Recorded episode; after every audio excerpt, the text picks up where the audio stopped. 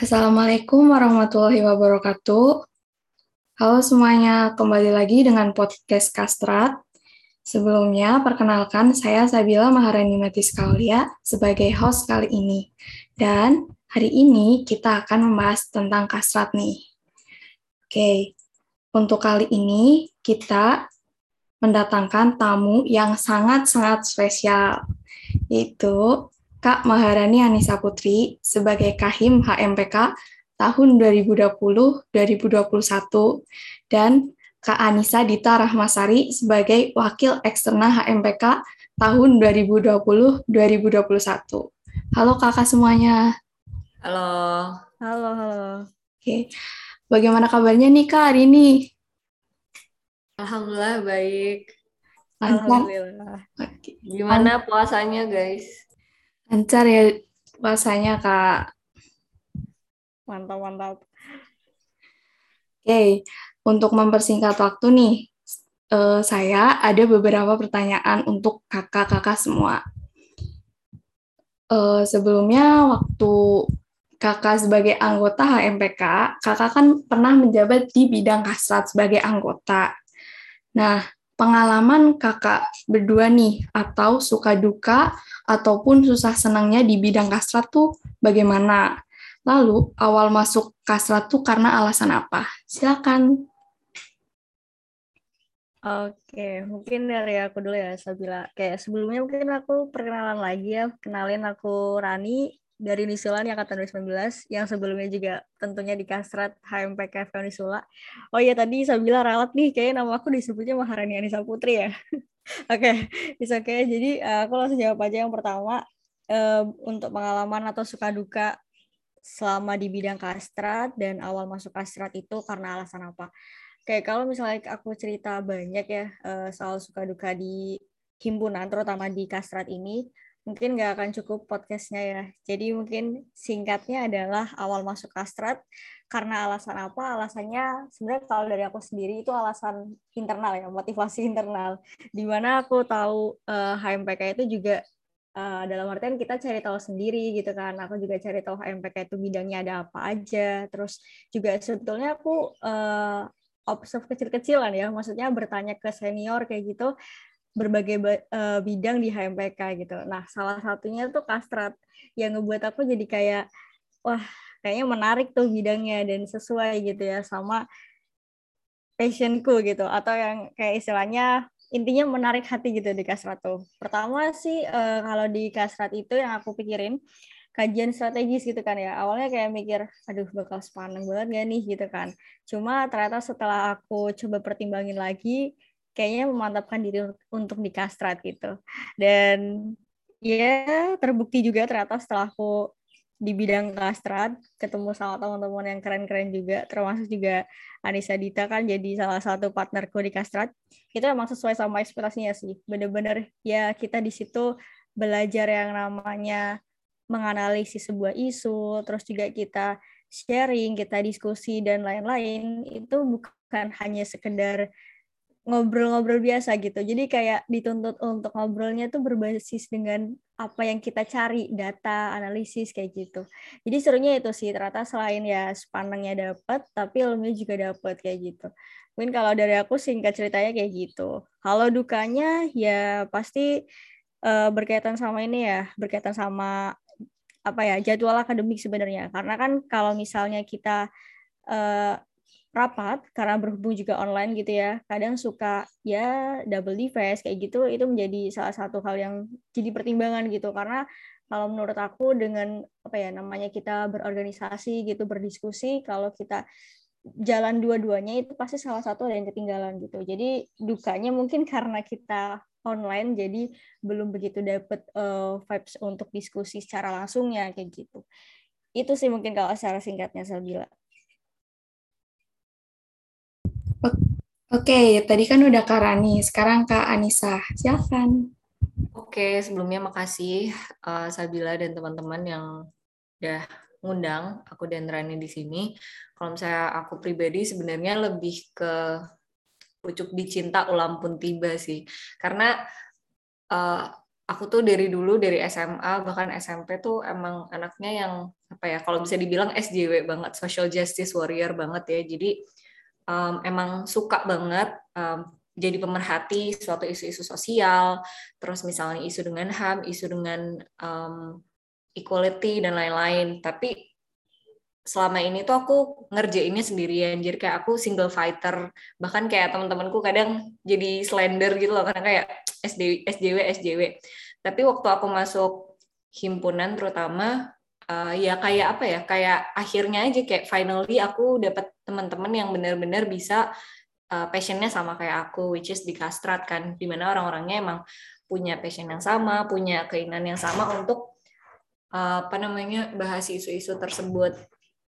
Terus uh, hampir sama sih kayak Rani sebenarnya karena uh, di wadah itu kita difasilitasi bahkan diadakan diskusi-diskusi yang bisa menunjang um, improvement kita buat lebih aware sama isu-isu sosial. Terus kalau dukanya jujur, jujur banget nggak ada sama sekali karena aku klop banget gitu di Kastra terutama waktu di tahun pertama itu yang langsung dapet teman, terus kayak projectnya langsung banyak. Dengan adanya project banyak itu sebenarnya yang malah bikin kastrat itu jadi solid gitu. Ini kalau mau sombong ya, jadi dulu kastrat tuh kayak jadi salah satu bidang yang uh, sangat terdepan. Kayak misalnya uh, ada bidang A, tapi dia nggak terlalu banyak proker, jadi kayak staff-staffnya tuh kurang solid. Tapi kalau misalnya kastrat, walaupun kayak di satu bulan bisa yang uh, ada gencar dan juga kajian in the same month kita tuh malah jadinya makin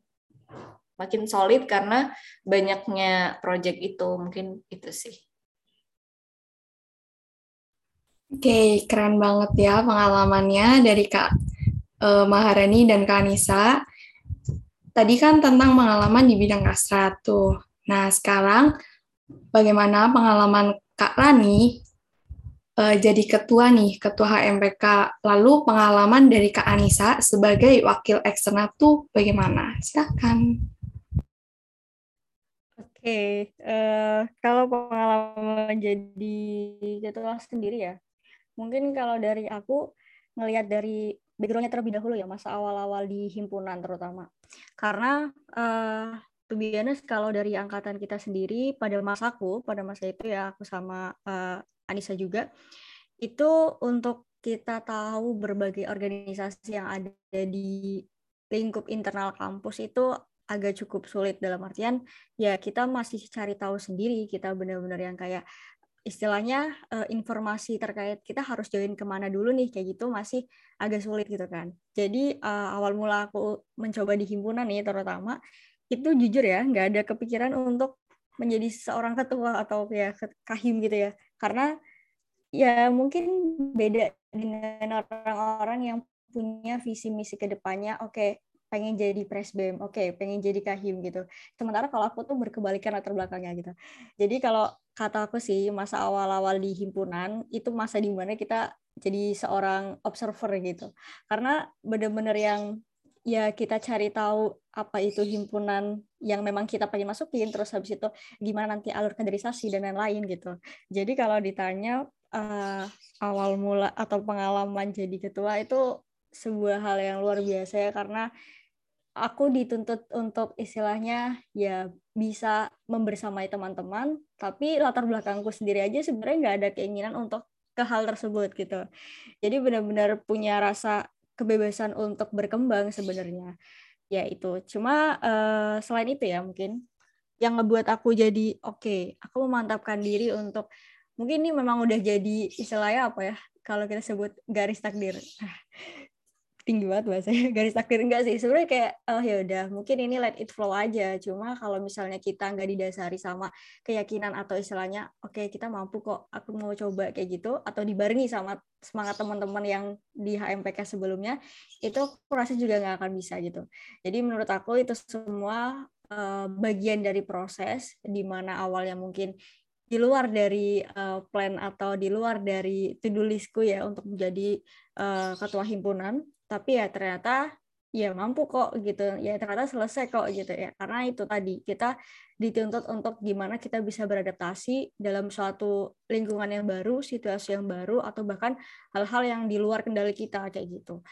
Terus mungkin kalau dari aku ya eh, apa ya mungkin kalau bahasanya tuh ini yaitu tadi bagian dari proses yang nggak mudah menurut aku. Karena aku perlu adaptasi aku perlu be banyak belajar dan yang terpenting sih sebenarnya gimana caranya kita bisa uh, istilahnya kita mencari informasi langsung dari sumbernya gitu. Karena pada saat aku awal jadi ketua itu, benar-benar yang namanya senior itu banyak banget gitu yang langsung ngehubungin gitu. Karena mungkin uh, anggapannya adalah aku atau pada saat itu uh, masa-masa himpunanku tuh masih yang uh, cenderung muda ya atau tergolong muda karena baru dua tahun atau tiga tahun berdiri gitu ya. Nah itu makanya uh, senior pun mungkin masih peduli dan istilahnya oke okay, perlu diarahkan gitu. Ya, jadi poin pentingnya sih itu tadi ya aku nggak boleh merasa uh, paling mampu gitu, tapi yang terpenting adalah gimana caranya bisa menyatukan uh, banyak kepala nih dalam satu forum dan satu tujuan kayak gitu. Itu sih kalau dari aku dan mungkin uh, kalau dari pengalaman ketua ya terakhir aja sih kalau misalnya dari aku ya itu aku merasa tuh kalau di HMPK pada saat itu tuh ngerasa bener-bener yang namanya rumah gitu. Karena nggak cuma buat tempat beraktualisasi ya tapi juga buat bercengkerama. Terus juga istilahnya nih kayak terutama aku sama ibu-ibuku ya sama Nisa juga kita yang sering meet sampai malam ngobrol dan ya ngobrolnya random pun itu jadi suatu apa ya suatu motivasiku untuk tetap ada di HMPK gitu. Gitu sih kalau dari aku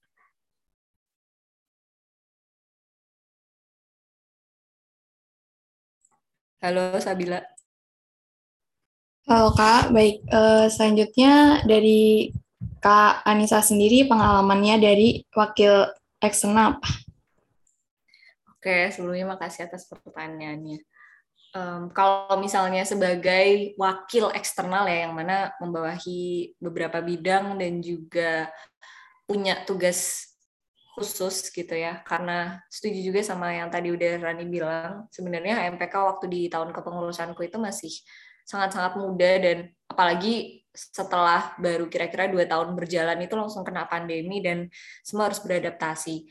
Nah dengan kondisi yang seperti itu sebenarnya jadi ada lumayan kemunduran di bidang eksternalnya itu. Dalam artian kemunduran itu yang awalnya uh, seniorku maksudnya yang uh, wakil eksternal yang dulu itu dia bisa kerja secara apa ya secara offline uh, bahkan pada saat pendelegasian itu dia benar-benar ngurusin dari proposal uh, pendanaan kemudian memfollow up sampai nantinya ada LPG segala macam di tahunku itu tidak dijalankan karena memang uh, prosedur itu dan birokrasi itu uh, tidak diterapkan pada saat pendelegasian di tahunku ya terutama karena um, prosesnya pun jadi kayak di cut off gitu. Birokrasinya jadi lebih um, shorten jadi lebih pendek. Terus pada saat pendelegasian jadi lebih mudah. Dan alhamdulillahnya dengan birokrasi yang lebih singkat seperti itu apalagi karena memang acaranya juga cuman online kan ya uh, banyak juga teman-teman yang akhirnya lebih semangat lagi buat ikutan delegasi dan lain-lain. Cuman uh, kalau untuk tugas lainnya sebenarnya aku nggak ngerasa benar-benar ngejalanin tugas gitu. Jadi uh, mungkin boleh tanya juga ke Rani, aku sering banget bilang bahwa aku tuh jadi wakil eksternal nggak ngapa-ngapain ya. Maksudnya kayak pendelegasian ini cuman gini doang, cuman ngerekap, cuman nge-follow up, cuman uh, apa ya istilahnya ngurusin doang gitu. Dibandingin sama yang tahun lalu yang harus benar-benar bahkan kalau uh, misalnya harus dimintain tolong ke wali kota, kita Eh, ke kantor gubernuran segala macam itu lebih kerasa kan kerjanya istilahnya gitu. Tapi mungkin aku finding comfortnya adalah lebih sebagai partnernya Rani gitu. Uh, dari EB benar-benar kayak bisa mendampingi aja gitu. Karena aku jujur orangnya perfeksionis banget. Jadi kalau misalnya teman-teman tahu di setiap rapat itu yang paling banyak ngomong siapa itu adalah aku. Karena aku emang I can see every little things in details gitu. Jadi kalau misalnya ada satu hal yang aku kurang serak, I'll talk to it daripada kayak nyimpen sendiri dan jadinya malah nggak enak sendiri. Terus dengan lingkup yang lebih besar juga, um, dengan jadi wakil eksternal itu aku dampingin Rani bahkan di uh, skala wilayah, di skala nasional. Sekiranya Rani lagi nggak bisa, itu juga gantiin lah istilahnya. Itu sih yang paling eye opening terutama. Other than satu juga sama Rani tadi yang menganggap bahwa HMPK adalah rumah, aku bisa nyaman banget. Makanya selama jadi wakil eksternal itu sebenarnya aku nggak ngerasa sama sekali kayak dibebani atau nggak ngerasa sama sekali kayak kerja gitu. Karena kerasnya kayak main aja. Like we've always been punya um, pembicaraan-pembicaraan seru yang bahkan kalau misalnya nggak salah satu izin tidur duluan tuh pasti nggak apa ya nggak berhenti gitu jadi mungkin seseru itu kalau aku bisa bilang. Mungkin nih EB-EB-nya juga bisa mengikuti antara Dwiki dan Cita. Uh, karena aku yakin kalian juga pasti kalau lagi ngobrolin tentang suatu hal tuh seru banget. Mungkin itu sih. Oke, aku izin masuk ya Kak. Keren banget buat pengalamannya dari Kak Rani sama Kak Anissa tadi. Jujur, ini sangat speechless aku mendengarnya. Oke, selanjutnya aku punya pertanyaannya buat Kak Rani. Coba Kak Rani kan dulu jadi ini ya anggota Kasrat begitu juga Kak Bibi, Kak Anissa Dita. Nah, untuk uh, proker Kasrat yang dipegang Kak Rani selama jadi anggota Kasrat itu apa? Kalau boleh tahu. Oke, kalau dari proker itu aku pegang dari gencar ya atau gerakan pencerdasan. Terus selain itu udah sih paling dari struktur kepengurusannya aja sebagai sekre kayak gitu Nisa. Nah, uh, Kak Rani kan megang gencar ya nih. Selama megang proker gencar ini apakah ada kesulitan, terus kendala-kendala yang uh, Kak Rani nggak bisa handle atau mungkin yang lain gitu? Oke, nah ini uh, sebenarnya fun fact juga ya. Pertama kali uh, dia menaik untuk uh, pegang gencar itu di mana ternyata uh, Gencar ini kan sebuah forum ya sebenarnya. Kita menciptakan sebuah forum yang namanya juga gerakan pencerdasan gitu ya. Menciptakan sebuah forum yang mana pasti perlu mengundang uh, narasumber atau pembicara yang expert gitu kan ya. Nah pertama kali banget nih gencar dilaksanakan itu dari ke kadep kasratnya pada saat itu ya Mbak Mary itu udah meminta aku untuk menghubungi salah satu uh, dokter dokter siapa ya? Uh, Kang Dudu waktu itu ya pada saat itu. Jadi beliau ya salah satu senior juga di kastratnya ISMKI atau HPS gitu ya. Dan aku disuruh langsung menghubungi gitu ke beliau. Di mana itu adalah first uh, first time aku untuk oke okay, uh, ini perlu ada apa aja yang aku siapkan dan kira-kira apa aja nih yang harus kita istilahnya uh, ajukan ke beliau kayak gitu kan. Ya pertama aku tanya-tanya dulu ke Kak Mary gitu. Cuma uh, intinya ini jadi pengalaman aku juga pertama untuk tahu yang namanya tor uh, dalam sebuah kita mengundang orang gitu ya, istilahnya pembicara. Itu pertama kali aku belajar untuk membuat tor itu di saat aku uh, pegang gencar ini sebenarnya. Jadi berupa webinar gitu, terus kita uh, ngundang uh, Kang Dudu ya sebagai narasumbernya pada saat itu dan ya pengalaman yang berharga banget menurut aku karena mungkin kalau dari uh, Anissa atau teman-teman yang lain mungkin udah pernah gitu ya di zaman SMA-nya. Sementara kalau aku nih baru uh, pertama kali gitu kan. Jadi kalau dari aku sendiri kendalanya tuh uh, sebenarnya bukan disebut kendala ya, lebih ke menurut aku itu sebuah tantangan aja sih, tantangan yang memang harus aku coba gitu. Dan ternyata setelah aku coba untuk uh, jadi apa ya, istilahnya mengkomunikasikan ke Kang Dudu sebagai narasumber, ya baik-baik aja gitu. Maksudnya ya semua uh, berjalan dengan lancar gitu alhamdulillahnya. Dan juga pasti dengan dukungan teman-teman ya karena di Gincar ini kan ada kayak semacam pembagian strukturnya. Nah itu karena emang dukungan dari teman-teman kasar yang lain juga akhirnya Gincar ini benar-benar kalau nggak salah waktu itu pesertanya tuh sampai tembus ratusan lebih deh kalau nggak salah. Dan itu kayak diapresiasi juga sama ya kadepnya pasti dan juga Mas Amal pada saat itu ya sebagai kahimnya. Kayak gitu.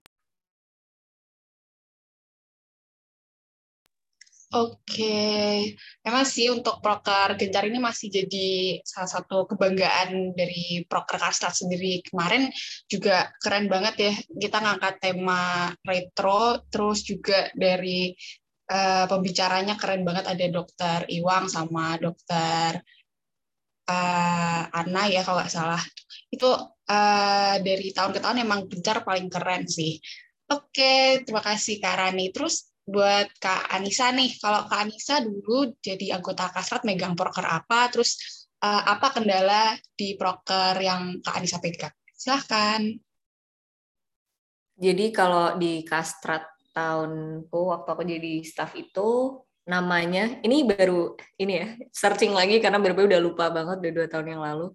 Eh dua tahun ya kira-kira dua tahun yang lalu. Itu namanya kabar dan volley.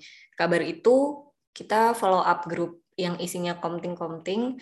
Jadi biasanya setiap akhir akhir modul itu kayak um, ditanyain lah sekiranya ada nggak concern um, pada saat modul itu berjalan atau selama satu semester. Misalnya kalau misalnya kayak ngumpulin bahan gitu. Terus kalau volley itu yang forum literasi uh, lingkupnya masih sama tapi kalau yang ini kayak ditambah sama ketua-ketua organisasi gitu. Uh, main isunya sih sebenarnya kita ngumpulin aspirasi dari teman-teman ketua, teman-teman komting uh, di setiap angkatan biar kalau misalnya memang ada suatu isu yang harus diangkat kita bisa langsung tahu dan cepat gitu. Cuman kalau di dua proker ini sebenarnya nggak begitu berjalan dengan baik ya karena um, as I said before ada pandemi jadi nggak semuanya bisa berjalan secara optimal. Kalau yang benar-benar udah berjalan itu justru uh, aku udah pernah bikin draft apa ya namanya yang ini loh yang Zahra tahun lalu terus dilanjutin juga cuman di tahun ini eh, di tahun yang kemarin ternyata udah di di diambil sama DPM yang itu jadi uh, ada nggak concernnya di teman-teman angkatan terus itu biasanya buat bahan audiensi cuman ternyata pada akhirnya kurang optimal juga pelaksanaannya. Semoga di tahun ini kah atau di tahun depan bisa berbeda direalisasikan siapa pun nanti organisasi apa pun nanti yang memang mau menjalankan dari proses audiensi itu.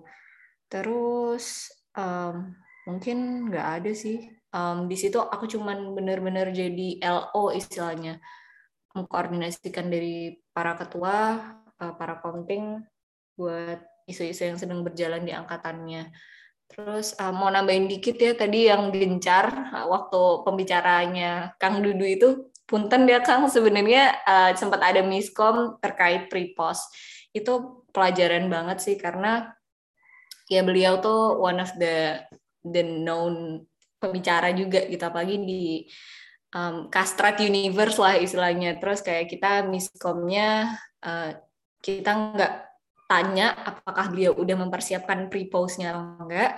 Akhirnya kita nyiapin nih uh, pre-post cadangan, terus waktu udah pre-test nih, kita pakai pre-testnya punya kita sendiri yang udah disiapin.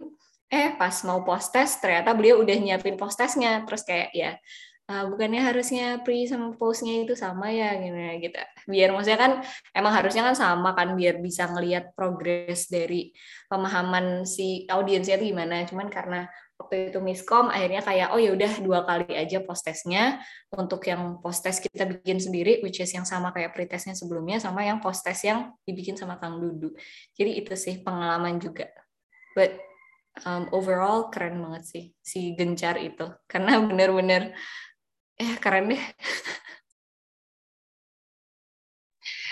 keren banget ya kak pastinya Oke, dari penjelasan Kak Rani dan Kak Anissa tadi tentang pengalaman proker, itu benar-benar memotivasi kita juga ya buat evaluasi kasat ke depannya biar lebih baik.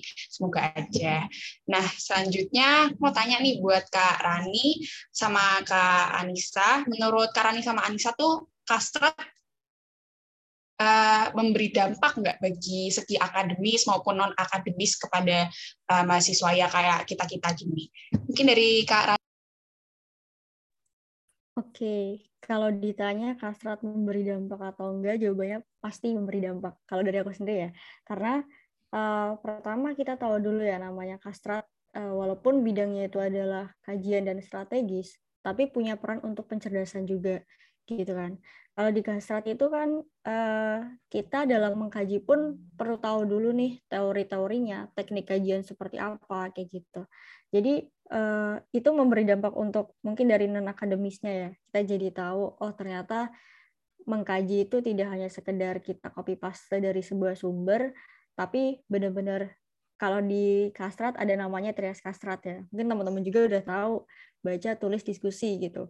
Dan itu kalau diimplementasikan di kastrat dengan benar, itu akan menjadi sebuah pencerdasan untuk teman-teman juga, terutama di lingkup kampus gitu kan. Nah dari segi akademisnya sendiri, kastrat itu juga sebenarnya secara tidak langsung ya mengajarkan kita untuk gimana caranya kita bisa menyusun sebuah uh, sebuah ya tadi kajian yang memang udah kita analisis sebelumnya gitu.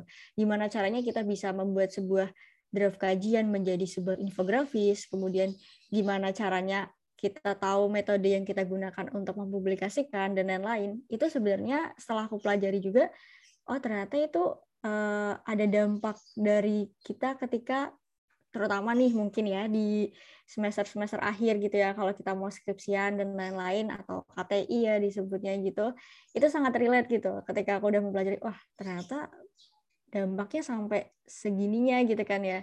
Sementara mungkin kalau eh, orang-orang yang mungkin belum paham atau mungkin punya stigma lain terkait kastrat oh kastrat mah cuma ngumpulin sumber aja copy paste terus udah jadi kajian. Padahal sebenarnya enggak sesimpel itu dan ya pasti banyak pelajaran dan uh, dampak yang kita berikan baik itu dari non akademis dan akademisnya. Mungkin itu sih uh, Nisa. Oke, baik. Aku setuju banget sama pendapat Kak Rani, karena uh, banyak orang yang tahu kasar itu cuma mengkaji, mengkaji, dan mengkaji. Padahal banyak banget benefit yang bisa kita dapat selain dari mengkaji. Oke, mungkin dari Kak Anissa, bagaimana Kak? kurang lebih sama sih kayak pendapatnya Rani kalau di sisi akademisnya yang nggak bisa yang langsung diimplementasikan misalnya uh, T45 itu fungsinya apa untuk di kanker tuh nggak ada ya. Cuman kayak uh, secara literate secara um, comprehension itu kepake banget. Apalagi kalau memang udah terbiasa sama yang namanya kajian gitu. Terus kayak aku mau highlight aja sih sebenarnya kayak kalau misalnya bikin kajian itu kita kan nggak boleh asal ya. Maksudnya tadi nih ya pakar kajian aja udah bilang gitu, gimana kita nggak cuman hanya baca aja, nggak cuman kopas aja, tapi kita juga harus belajar gitu bang yang namanya kajian itu ya dikaji nggak boleh yang kayak kita cherry picking misalnya oh ini kalau misalnya uh, pejabat ini ngomong ini terus kita peluntir, kita kasih headline, rame nih kajiannya. Tapi sebenarnya bukan itu sense of bikin kajian itu. Um, bagaimana kita benar-benar bisa memahamkan diri sendiri dan memahamkan teman-teman yang membaca dari hasil kajian kita itu tadi pun nantinya apabila akan dipublish akan di counter dengan bentuk lain seperti webinar atau kayak infografis dan lain-lain itu cuma bonus aja yang penting adalah gimana kita bikin kajiannya itu benar-benar masuk gitu ke kita. Jadi kalau misalnya ditanya masuk kastrat itu bawa dampak di akademis dan non akademis atau enggak, ya iya banget gitu.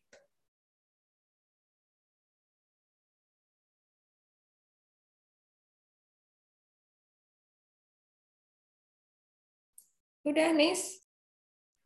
Oke, dilanjut. Rani nih, silakan Rani. Oke, aku izin tanya ya Kak Anissa dan Kak Rani. Mungkin tadi juga udah jelasin mengenai dampak, keuntungan, lalu juga pengalaman dan uh, mungkin sesuatu yang bisa di, uh, diperbaiki di proker Asrat. Nah, aku mau tanya nih mengenai uh, pendapat aja, pendapat pribadi dari Kak Anissa dan juga Kak Rani uh, mengenai kasrat di HMPK FK Unisula dengan kasrat di universitas lain. Kira-kira uh, mungkin apakah ada yang bisa diperbaiki dari kasrat HMPK Unisula atau gimana terserah uh, pendapat dari Kak Anissa dan juga Kak Rani itu aja dari aku. Oke, mungkin kalau dari aku nih ya, pendapat mengenai kastrat HMPK dan kasrat lain. Sebenarnya uh, yang menjadi diferensiasi atau pembeda antara kasat HMPK adalah ya kasat HMPK itu tadi ya mungkin udah sempat disinggung juga sama Anissa nih kalau HMPK itu memang masih tergolong organisasi yang ibaratnya masih sebiji jagung lah umurnya kayak gitu kan masih baru. Tapi dari kasrat sendiri terutama pada saat ya di periodeku dan Anissa ya itu mengalami sebuah lonjakan yang cukup drastis gitu loh. Dan itu ya mungkin flexing dikit ya tadi juga kayak istilahnya kasrat dianggap sebagai bidang yang solid banget gitu kan uh, di masa kita. Dan ya itu sebenarnya karena kita memang punya apa ya punya pandangan yang sama terhadap bidang kastrat dan juga ya alhamdulillahnya kita klop kayak gitu kan. Jadi yang membedakan itu karena kastrat memang udah dianggap oke okay, ini bidang yang paling kelihatan nih pada masaku ya. Jadi harapanku uh, ke depan kastrat juga tetap bisa menjadi highlight untuk uh, eh, HMPK gitu. Nah sebenarnya kalau dibandingkan dengan kastrat lain, aku nggak bisa membandingkan ya karena yang namanya kita membandingkan kalau nggak sebanding ibaratnya kalau kasrat dari universitas lain mungkin banyak yang memang uh, sudah berdiri cukup lama gitu. Cuma yang aku uh, garis bawahi adalah seberapa progresifnya kasrat tersebut berkembang kayak gitu.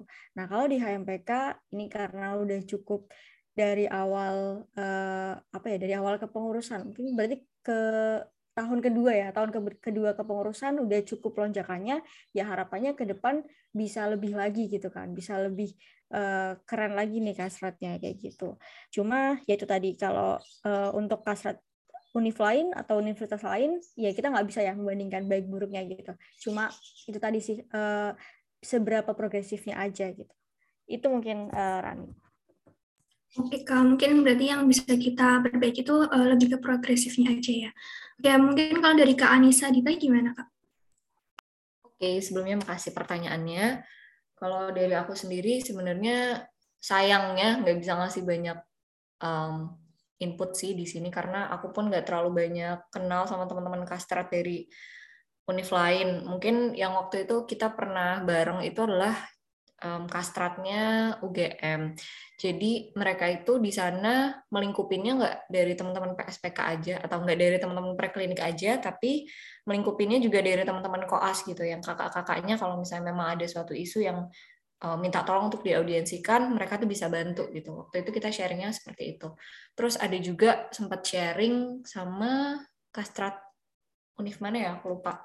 Jadi mereka produktif banget yang satu bulan itu bisa bikin kajian, misalnya yang berbeda bisa publish kajian tuh banyak gitu. Maksudnya nggak sebanyak kita kan yang memang ditargetkan satu bulan satu tiap uh, tanggal 28 segala macam. Cuman tanggal berapa ya udah berubah atau belum? Kalau di tahunku dulu tanggal 28 anyway. Uh, itu sih maksudnya uh, setuju banget sama Rani uh, kalau misalnya membandingkan tuh juga nggak bakal nggak bakal ada habisnya juga yang penting apa yang kita bisa lihat apa yang kita bisa contoh asalkan itu suitable visible juga untuk diterapkan di universitas kita di kastratnya kita boleh banget. Oh jadi tanggal 1 sampai 9 oke. Okay. terus um, lagi tadi ya? Ini sorry ya ntar kalau misalnya harus dikat karena aku agak blank. Tadi cuma ini sih hmm. Oke, Terus mungkin nanti juga kalau misalnya Rani mau nambahin juga uh, bisa tuh karena kan sekarang HPS wilayah juga udah berkembang banget ya, apalagi kayak kemarin ada uh, lomba bukan lomba apa sih, yaitu yang nge-upload kajiannya untuk nantinya kayak dibandingkan terus nanti uh, istilahnya diapresiasi lah sama teman-teman wilayah terus nanti kayak best kajian or something mungkin nanti bisa dielaborasi juga sama Rani.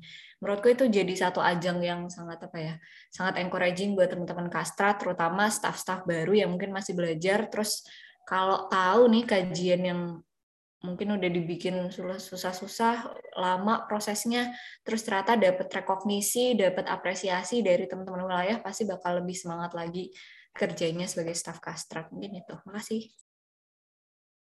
Oke, makasih Kak Anissa. Uh, tadi uh, Kak Rani ada yang mau ditambahin nggak ya Kak? Oke, ya jadi aku nambahin dikit ya. Tadi uh, benar yang dibilang Anissa. Jadi kalau di Kastrat wilayah 3 terutama gitu ya, institusi dari 17 ya dari 17 institusi uh, kemarin itu kalau dari HPS sendiri itu memang ada yang namanya kasropi atau semacam uh, wording gitu buat teman-teman kasrat yang memang aktif untuk membuat kajian, rilis sikap, terus habis itu pergerakan kayak gitu.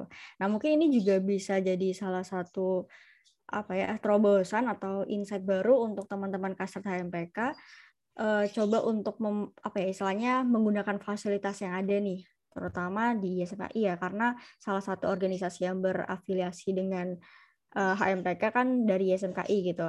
Nah, mungkin bisa dimanfaatkan semaksimal mungkin karena ini berkaitan juga nih sama teman-teman dari Kastrat yang mungkin butuh untuk uh, upgrading atau istilahnya ya update dari SDM yang ada di Kastrat HMPK bisa banget nih kayak istilahnya sekedar sharing aja atau mau minta uh, materi yang mungkin teman-teman merasa kurang kayak gitu. Jadi kalau dari uh, senangkapku adalah teman-teman kasat institusi lain itu banyak juga yang aktif untuk istilahnya memanfaatkan fasilitas gitu karena beberapa dari institusi pun yang udah uh, aku coba kenali gitu ya itu mereka yang memang oh saya butuh uh, materi kajian nih kak. Saya butuh materi terkait materi dasar kastrat gitu. Jadi diminta aja selagi memang HPS-nya bersedia atau ISMKI-nya memang memfasilitasi hal tersebut mungkin dari kasat HMPK bisa banget untuk memaksimalkan uh, fasilitas yang ada kayak gitu terus uh, juga benar yang tadi dibilang Nisa ya, udah istilahnya kita dalam membuat kajian tuh udah mengeluarkan waktu, tenaga, terus juga pikiran kayak gitu ya. Sayang banget kalau istilahnya uh, mentok aja di publikasi teman-teman gitu. Coba kalau misalnya relasinya diperluas lagi, pasti kajiannya pun akan lebih terpublish, lebih luas gitu jangkauannya.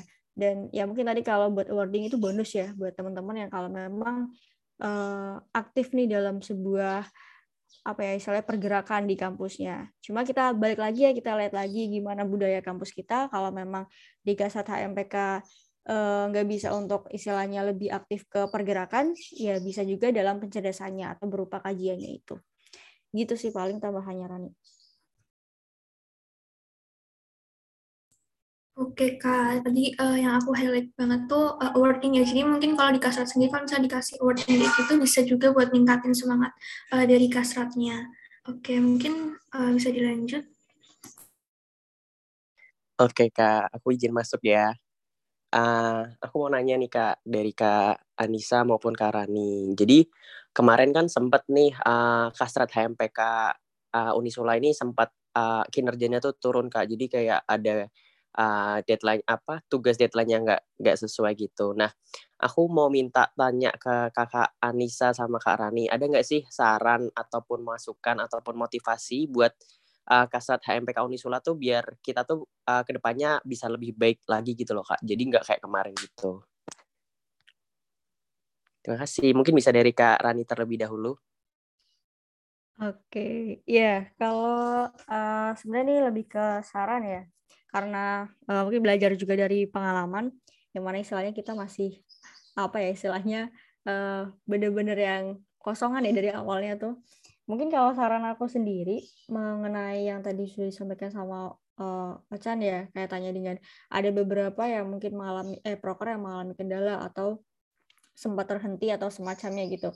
Sebenarnya saranku adalah uh, kita perlu tahu dulu nih uh, dari masing-masing teman-teman kasrat kita harus tahu dulu kita harus istilahnya satu tujuan satu visi dan satu pandangan gitu terhadap sebenarnya kita ngapain di kasrat kayak gitu. Harus tahu dulu di highlight dulu gitu. Kalau misalnya emang teman-teman udah tahu dan dijalaninya dengan enjoy gitu ya dengan santai ya udah semua hal yang dijalani dengan senang itu aku rasa bakal ya tercapai sesuai dengan apa yang kita inginkan kayak gitu. Ya mungkin lebih ke ini ya motivasi internalnya dulu atau ditanyain dulu ke teman-teman kasrat kira-kira di kasratnya kita sebenarnya mau ngapain kayak gitu. Jadi itu yang uh, pertama mungkin untuk saran dan uh, masukannya. Terus juga uh, perlu diketahui juga nih kalau misalnya di kastrat itu teman-teman juga harus tahu kira-kira batasan apa aja atau ya setting boundaries juga ya di kasrat uh, eh, HMPK terutama. Karena di Unisula pun yang namanya peran advokasi itu uh, kemarin masih diperjelas kalau nggak salah ya. Masih diperjelas antara memang kasrat HMPK itu punya peran advokasi kah atau hanya sebagai pencerdasan. Nah ini juga perlu kolaborasi dengan berbagai pihak sebenarnya. Dari teman-teman kasrat bisa uh, mungkin dari yang terdekat dulu nih, dari Kahimnya dulu, mungkin bisa ditanyain kira-kira kasat HMPK kalau di ADRT sendiri itu punya batasan apa aja ya? Apakah dia sampai advokasi kah? Kita punya hak untuk uh, advokasi atau tidak kayak gitu. Terus berikutnya baru deh uh, teman-teman kasat bisa coba diskusi, coba satuin pola pikir kira-kira gimana komitmen kita di Kasrat supaya Kasrat HMPK itu at least bisa mempertahankan apa yang udah sebelumnya capai gitu. Jadi oke okay lah kalau misal kita berbicara progresif mungkin terlalu jauh ya seenggaknya kita bisa mertahanin Kasrat nih sebagai bidang yang punya makna lebih di uh, himpunan kayak gitu. Ya itu tadi sih kalau saranku. Dan terakhir ya, mungkin kalau dari aku yang namanya organisasi itu uh, mungkin kita juga nggak munafik ya istilahnya kadang kita juga capek, kadang kita juga istilahnya apa ya merasa burn out gitu ya. Tapi uh, kembali lagi perlu kita apa ya perlu kita tegaskan juga ke diri kita masing-masing gitu. Kita pertanyakan kira-kira ya udahlah uh, istilahnya kita udah ada di satu ada satu forum. Ibaratnya kalau udah uh, apa ya udah bahasa ya udah nyemplung aja sekalian kayak gitu kan. Nah itu juga menjadi salah satu motivasi penting buat teman-teman. Dan yang terpenting lagi yang namanya tanggung jawab amanah itu insya Allah nggak akan berada di pundak yang salah jadi kalau teman-teman udah diberi amanah, udah diberi rasa kepercayaan untuk uh, bertanggung jawab akan suatu hal, ya tolong dituntaskan sampai uh, tuntas-tuntasnya kayak gitu. Karena itu akan dimintai pertanggungjawaban juga kan ya kita nggak cuma di dunia di, di dunia juga gitu, tapi nanti di akhirat juga pasti akan dimintai pertanggungjawaban atas apa yang sudah uh, istilahnya diberikan kepada kita kayak gitu. Itu sih paling kalau saran dan motivasinya.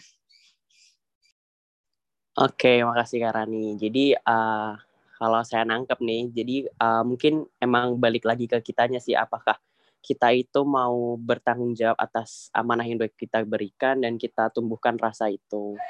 Oke, mungkin bisa lanjut ke Kak Anissa nih. Oke, sebelumnya makasih atas pertanyaannya. Kalau dari aku sendiri, ada dua tipe organisasi yang bakal bisa berjalan dengan baik kalau misalnya salah maksudnya uh, dari kalian tuh menjalankan dari salah satu ini gitu ini adalah apa ya teori yang aku merancang selama aku yang menjabat sesuatu dan segala macam. Yang pertama bahwa organisasi itu dianggap sebagai tanggung jawab yang benar-benar amanah yang memang walaupun kamu sebenarnya nggak terlalu passionate, teman-temannya juga nggak terlalu nyambung, terus kerjaannya juga sebenarnya ya udah biasa aja gitu. Maksudnya nggak yang cinta banget sama nih satu organisasi dan tugas-tugasnya dan job desk-nya lah istilahnya. Nah, dengan kamu menerapkan organisasi satu ini karena kamu punya sense of belonging, nggak sorry, karena kamu punya rasa tanggung jawab dan amanah yang memang berbeda kamu terapkan kayak yang tadi di Rani, apa pun itu, walaupun memang sebenarnya kamu nggak terlalu passionate dan lain-lain, orang yang namanya tanggung jawab itu pasti bakal dikerjain semaksimal mungkin. Itu pertama. Jadi walaupun nggak ada rasa cintanya istilahnya, tapi kalau misalnya kalian menganggap itu sebagai tanggung jawab yang harus diselesaikan sebaik-baiknya, um, it'll pass eventually, bakal bakal bakal berlalu kok gitu. Terus yang kedua adalah yang selama ini aku terapkan. Maksudnya yang yang pertama ini sebenarnya aku pernah sih ada di satu kondisi seperti ini dan alhamdulillahnya juga selesai. Cuman yang paling enjoy adalah yang kedua ini, di mana kalian menganggap satu organisasi itu taman bermain, taman bermain yang benar-benar kalian suka, kalian bisa santai, kalian bisa relax bahkan. Uh, tapi memang di taman bermain itu tetap harus ada sesuatu yang kalian lakukan. Saya bayangin aja taman bermain kan ada ayunan, prosotan, segala macam. But you guys are fun doing it kan.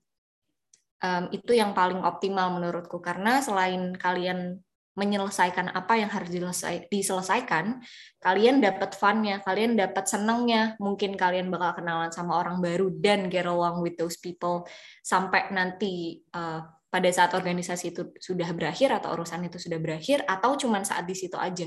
Jadi apa ya? Analogi taman bermain untuk melakukan suatu hal itu menurutku yang paling pas sih.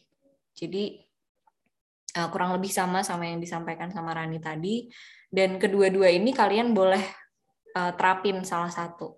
Karena kalau misalnya kalian nggak punya rasa tanggung jawab, kalian nggak passionate, dua-duanya nggak dapet nih, ya nggak bisa tuh organisasi atau urusan itu jalan. Uh, jadi kalau misalnya saran nggak punya, karena itu semua tuh kembali ke masing-masing gitu. Karena aku pun pernah ada di kondisi di mana aku sama sekali nggak cocok sama orang-orangnya, teman-temannya juga sebenarnya nggak yang sama-sama rangkat banget, solid banget, terus tugasnya juga sebenarnya nggak aku sukain banget. Tapi harus nih karena aku udah diamanahin karena ini tanggung jawabku segala macam. Gitu sih. Jadi sebenarnya mengerjakan sesuatu atas dasar tanggung jawab tuh nggak salah sama sekali. Kamu nggak harus yang sangat mencintai akan apa yang kamu lakukan tuh nggak nggak harus gitu. Mungkin kalau dari aku itu sih. Cuman yakin aja bahwa ya semua yang akan kalian lakukan di dunia itu ada pertanggungjawabannya sama kayak Rani tadi. Makanya kalian ingat gak sih yang waktu itu aku pernah uh, bilang bahwa oh kayaknya di organisasi sebelah deh. Uh, kayak Rani bukan Rani kamu Rani Windasari tahu bahwa pada saat aku melantik adik-adik dulu itu uh, aku cuman bilang bahwa ya kalian udah gede um, just know that apa yang bakal kalian lakukan di sini kalian udah diberi amanah dan amanah kalian itu sekecil apa pun pasti akan dimintai pertanggungjawaban sama Allah nanti di akhirat. Itu yang aku tanemin terutama di aku sendiri kan. Makanya kayak ya selama ini apa yang aku kerjakan itu ya sebaik-baiknya apalagi when it comes to a lot of people dan um, matters yang dari kecil sampai besar. Gitu. mungkin dari aku itu. Makasih. Oke okay, makasih Kak Anissa. Jadi uh, kalau saya dari saya sendiri sih juga sebenarnya sama sih kayak emang kita tuh kalau tadi menurut Kak Anissa ya dia ada dua prinsip di mana uh, satu di atas tanggung jawab dan yang satunya lagi itu kita lakuin berdasarkan uh, kita lakukan dengan senang dengan nanti kalau kita misalkan senang kita lakukan dengan enjoy pasti tugas-tugas uh, yang akan uh, yang udah diberikan ke kita itu pasti uh, insya Allah akan terjalani seperti itu. Oke, mungkin itu aja sih pertanyaan dari saya. Bisa dilanjutkan sama Sabila lagi. Terima kasih Kak Anissa dan Kak Rani. Oke, uh, tadi sarannya keren banget ya, berhubungan dengan tanggung jawab dari masing-masing anggotanya. Tanggung jawab dari uh, proker yang diterima atau apa pun itu. Uh, ini sekarang udah ada di akhir dari penghujung acara nih uh, dari tadi tuh udah banyak kan informasi atau tadi ada masukan saran yang diterima nih ada informasi terus uh, sebelum saya tutup uh, apa ada lagi pertanyaan mungkin dari anggota kasat yang lainnya atau dari kahim tahun ini dan wakil eksternal tahun ini nih ada nggak? Untuk dari aku sendiri sudah cukup Kak Anissa sama Kak Alan udah keren banget sangat memotivasi kita semua. Oke, karena sudah cukup, uh, terima kasih untuk Kak Anissa Dita dan Kak Maharani yang udah mau meluangkan waktunya sebagai tamu podcast kali ini. Terima kasih. Terima kasih kakak-kakak. Terima kasih, Terima kasih Kak Anissa dan Kak Tani. Terima kasih atas infonya juga. Ya, justru aku yang makasih. Terima kasih kakak-kakak. Semangat, semangat. Bukber, bukber. Bukber, bukber. Ayo kak berhebat kak. Ya buruan, akunya diundang dong. Oh, siap siap. Siap siap siap. Oke oke, direncanakan. Kak Rani sama Kak Anissa puasa nggak? Puasa lah. Puasa. Oke oke oke. Ayo Wi, kapan kita bukber Wi? Kayak kemarin kan ada bagi-bagi tuh Wi. Iya siap. Teman kamu. Oke, okay, terima kasih juga buat uh, teman-teman sekalian, anggota HM, anggota Kastrat dan Kahim dan wakil eksternal dari HMPK. Lalu uh, terima kasih juga kepada semua yang telah mendengarkan podcast Kastrat ini. Saya Sabila Maharani Metis Kaulia dan anggota Kastrat pamit untuk diri. Mohon maaf bila ada salah kata. Wassalamualaikum warahmatullahi wabarakatuh. Sampai jumpa lagi. Sampai jumpa. Sampai jumpa di next podcast. Ini nanti